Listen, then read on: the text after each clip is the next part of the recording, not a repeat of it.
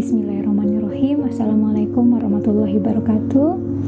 Alhamdulillah kita telah sampai di episode ke-10 Nah episode terakhir di season ke-1 ini akan bicara mengenai satu sosok yang menyedihkan Yang ini e, menggambarkan kepada kita bahwa menjadi pasangan dari orang beriman bukanlah sebuah hal yang menjamin keimanan kita. Nah sosok ini adalah sosok kebalikan dari Asiyah binti Muzahim di mana Allah mengabadikannya di surat At-Tahrim sebagai perumpamaan bagi orang-orang yang kafir kata Allah yaitu kisah istrinya Nabi Lut yang mereka itu ada di bawah peliharaan Nabi, namun begitu tidak menghalangi, tidak e, membuat mereka terbebas dari yang namanya kemaksiatan. Nah, jadi kalau dalam Al-Quran tidak disebutkan namanya, tapi kalau kita lihat dari literatur sejarah, ada yang menyebutnya sebagai waliah, ada yang menyebutnya sebagai walihah. Nah, tapi kita akan e, mencoba untuk mengatakannya sebagai waliah saja ya. Nah, waliah ini adalah istri dari Nabi Lut alaihissalam. Di mana kita kenal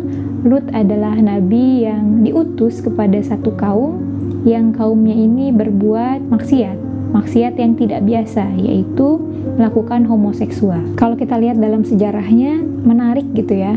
Ternyata homoseksual ini pertama kali memang muncul di negeri Sodom jadi dulu uh, di masa hidupnya Nabi Ibrahim dan Nabi Lut, jadi mereka satu zaman. Nabi Ibrahim itu adalah pamannya Nabi Lut. Nah, keduanya ini uh, pergi dari Palestina pada saat itu dan uh, menuju ke Suriah, di mana di sana mereka hendak berdakwah. Nah, di tengah-tengah perjalanannya Allah mengutus Nabi Lut kepada satu kaum, yaitu adalah kaum di negeri Sodom. Sodom itu negeri yang sangat besar, yang sangat luas, di mana penduduknya sebenarnya awalnya adalah penduduk yang sejahtera, yang makmur, yang mereka itu sangat kompak, gotong royong, dan iblis pada saat itu bingung gimana caranya uh, memalingkan mereka dari Allah. Sehingga iblis punya ide dengan merusak ladang-ladang mereka, merusak pekerjaan mereka di waktu malam hari. Jadi para pria di negeri Sodom ini adalah pria yang begitu giat dalam bekerja. Mereka pergi bekerja di pagi hari meninggalkan anak-anak dan istri mereka lalu pulang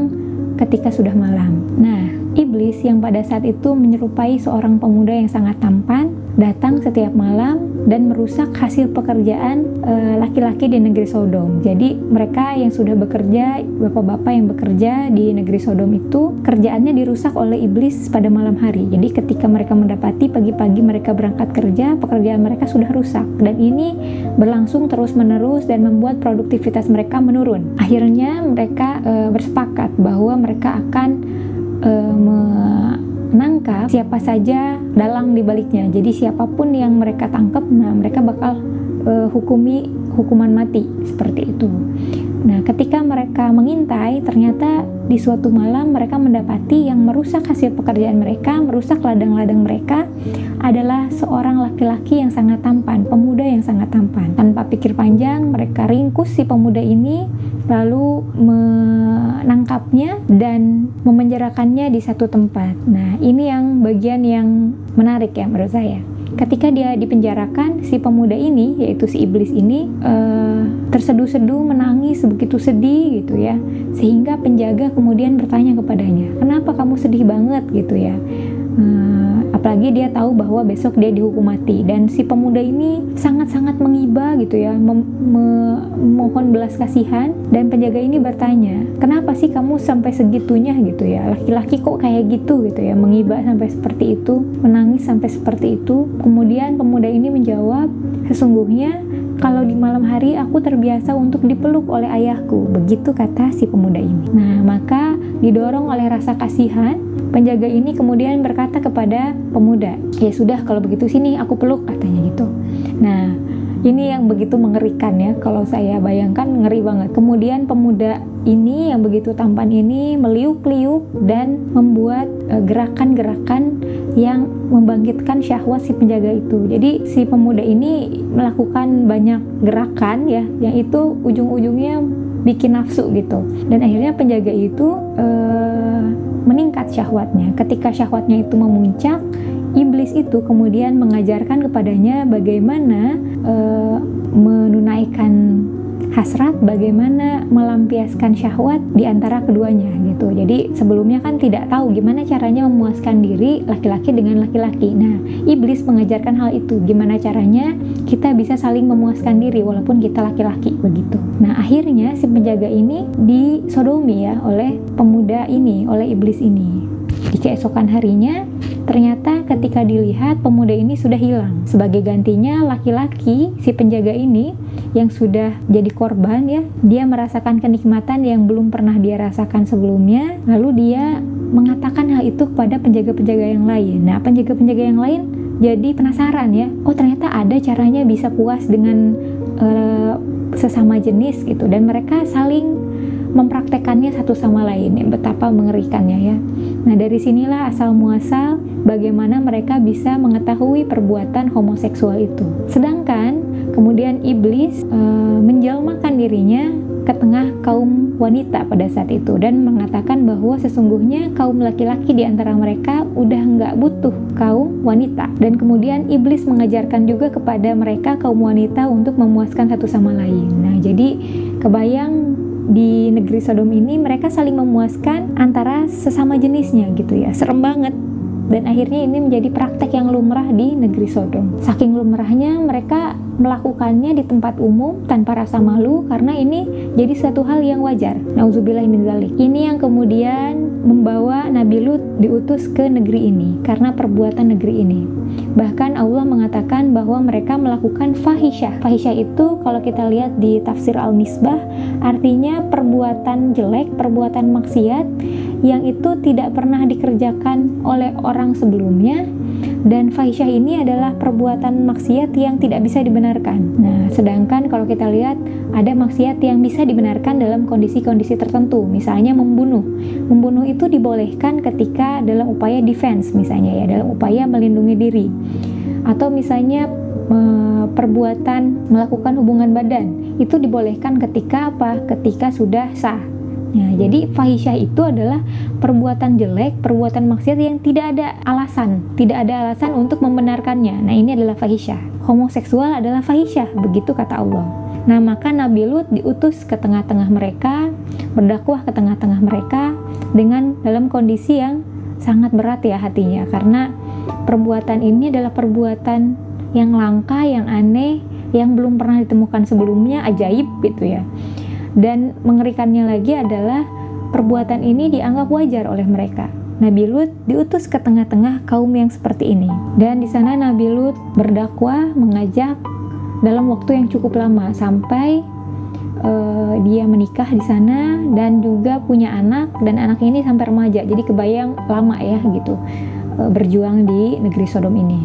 Nabi Lut pada saat itu terus-menerus mengingatkan kepada kaumnya Jangan seperti itu, jangan menjadi kaum yang melampaui batas ya. Maksudnya di sini adalah melampaui batas fitrah. Di mana kita tahu fitrah dari manusia itu fitrah seksual itu laki-laki dengan perempuan, perempuan ya dengan laki-laki, tapi mereka melampaui batas itu dan mereka merusak potensi yang ada dalam dirinya. Artinya manusia itu punya potensi, potensi untuk melanjutkan keturunan, potensi untuk me, apa ya, melanjutkan gennya gitu kan. Ketika perilaku homoseksual ini terjadi, maka mereka memutus potensi itu. Mereka tidak punya cara bagaimana menurunkan gen mereka kepada generasi berikutnya karena tidak akan ada generasi yang muncul dari sini gitu ya. Tidak akan ada bayi yang lahir dari sini karena mereka mendatangi sesama jenis. Kaum Nabi Lut begitu parahnya gitu ya kemaksiatannya bahkan sampai uh, ujungnya puncak-puncaknya adalah mereka tidak lagi melakukan ini kepada sesama penduduk, tapi mereka juga melakukan hal itu kepada pendatang.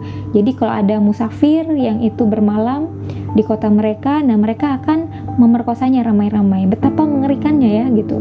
Di sini Nabi Lut begitu bingung gitu, gimana lagi harus me mendakwahi mereka. Istri Nabi Lut adalah sosok istri yang tidak melakukan kemaksiatan dalam arti dia tidak menyukai sesama sesama jenis, dia e, menjaga dirinya, namun begitu dia punya pergaulan di tengah-tengah kaumnya karena ada riwayat yang mengatakan istri Nabi Lut itu bagian dari kaumnya uh, awalnya gitu. Jadi uh, dia ada dari kalangan kaum Sodom. Jadi buat dia hal-hal yang ada di sekitarnya itu lumrah, sudah normal gitu, sudah sudah biasa terjadi. Itu memang salah dalam artian itu sesuatu yang menyimpang tapi itu sudah biasa terjadi. Seperti halnya kita kadang-kadang merasa biasa gitu ya ketika ada yang maksiat di tengah-tengah kita. Misalnya ada yang uh, hamil di luar nikah, itu bukan jadi sesuatu yang heboh lagi sekarang, udah jadi biasa gitu ya. Ada yang aborsi biasa kayak gitu. Dan ini terjadi kepada istrinya Nabi Lut. Waliah merasa hal-hal yang terjadi di sekitarnya itu ya sudah biasa. Maksiat memang, tapi ya sudah biasa begitu.